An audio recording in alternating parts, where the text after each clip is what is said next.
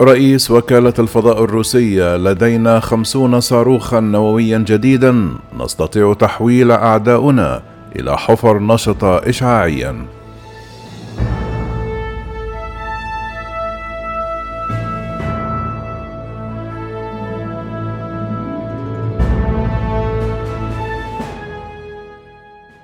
في تهديد روسي جديد للغرب قال رئيس وكالة الفضاء الروسية أن بلاده سيكون لديها عما قريب خمسون صاروخا نوويا جديدا. في ترسانة تستطيع تحويل كافة الأعداء إلى حفر نشطة إشعاعيا بحسب تعبيره.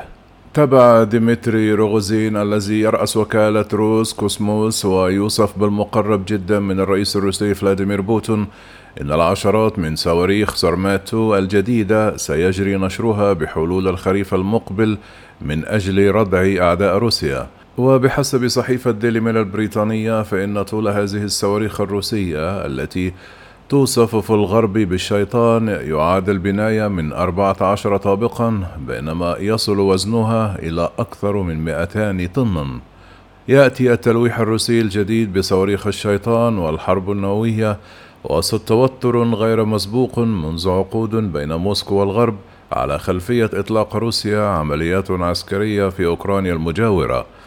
تقدم الدول الغربية وعلى رأسها الولايات المتحدة دعما عسكريا سخيا لأوكرانيا منذ أشهر رغم إحجامها عن التدخل المباشر في الحرب والتي بدأت في الرابع والعشرون من فبراير المنصرم واستطرد روغسيون أنه لا يتبقى لمن وصفهم بالمعتدين إزاء هذه القوة سوى أن يتحدثوا بلا باقة مع روسيا في إشارة إلى الخصوم الغربيين.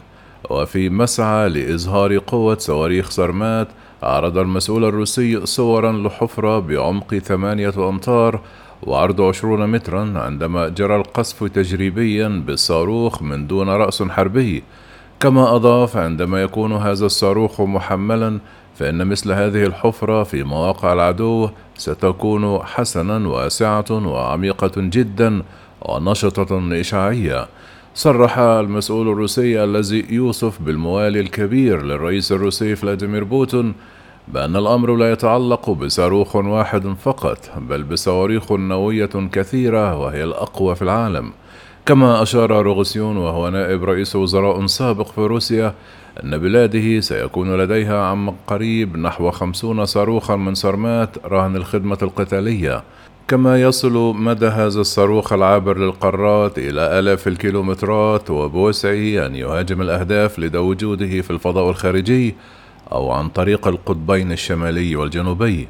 وقبل أسبوعين كان روغسيون قد هدد بإزالة أوكرانيا من الخارطة ومحو الغرب في نصف ساعة بحسب قوله فيما استمر التصعيد على الأرض لا سيما في إقليم دونباس الذي يقال إن روسيا تنوي ضمه إلى الاتحاد الروسي بمجرد إحكام السيطرة عليه.